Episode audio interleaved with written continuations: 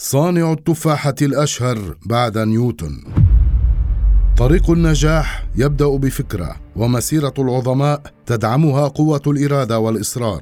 وليس من أهم قصص النجاح التي شهدها التاريخ في الآونة الأخيرة إلا تلك التي كتبها ستيف جوبز لنفسه وللكون بأكمله.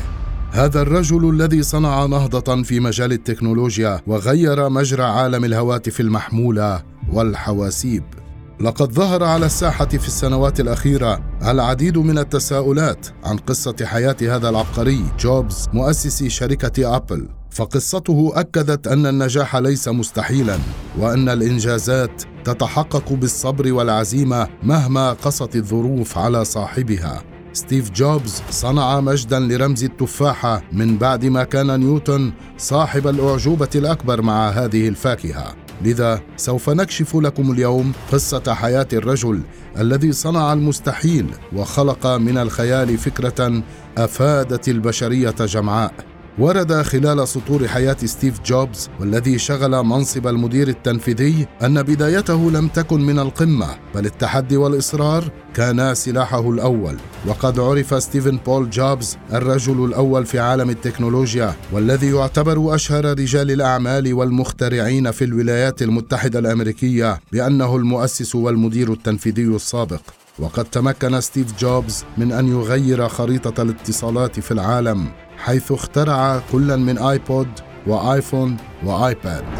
جاءت نشأة ستيف وسط عائلة تبنته وعاش في المنطقة التي تدعى وادي سيليكون أو سيليكون فالي. تلك المنطقة التي تعد مركز صناعات التكنولوجيا في الولايات المتحدة الأمريكية. فبعد أن ترك ستيف جامعته غادر بورتلاند متوجها نحو رحلة النجاح التي لم يشهد مثلها التاريخ قط. هذا الشاب الذي قيل إنه من أصل سوري والذي ترعرع في منزل يدرك جيدا أن الموجودين فيه ليسوا اهله من دمه ولحمه. صمم على النجاح المطلق ولم يسمح لأي شيء من كل ما أعاق حياته من تدمير مستقبله ليكون بذلك قدوة لعمالقة النجاح الجبابرة.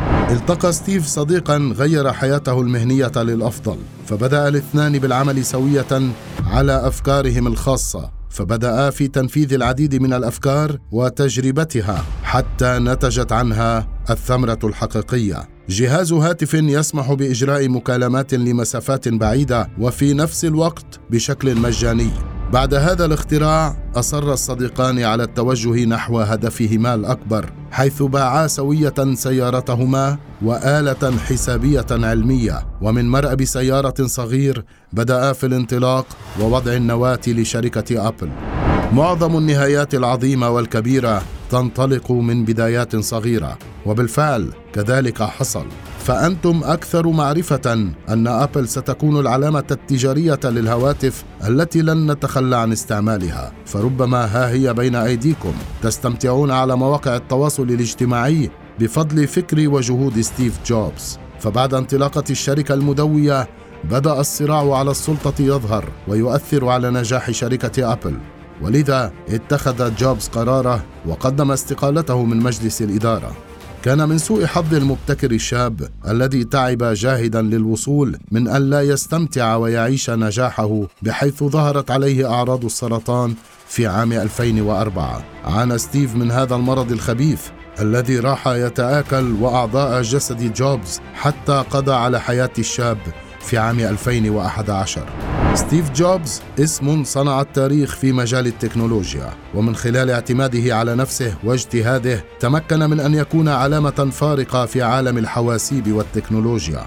مثابرة ستيف درس يقتدي به العديد فذكاؤه وضعه على قوائم أغنى الشخصيات في العالم وأكثرها تاثيرا بحيث لم يسمح لطفولته كولد متبنى بأن تقف في درب نجاحه.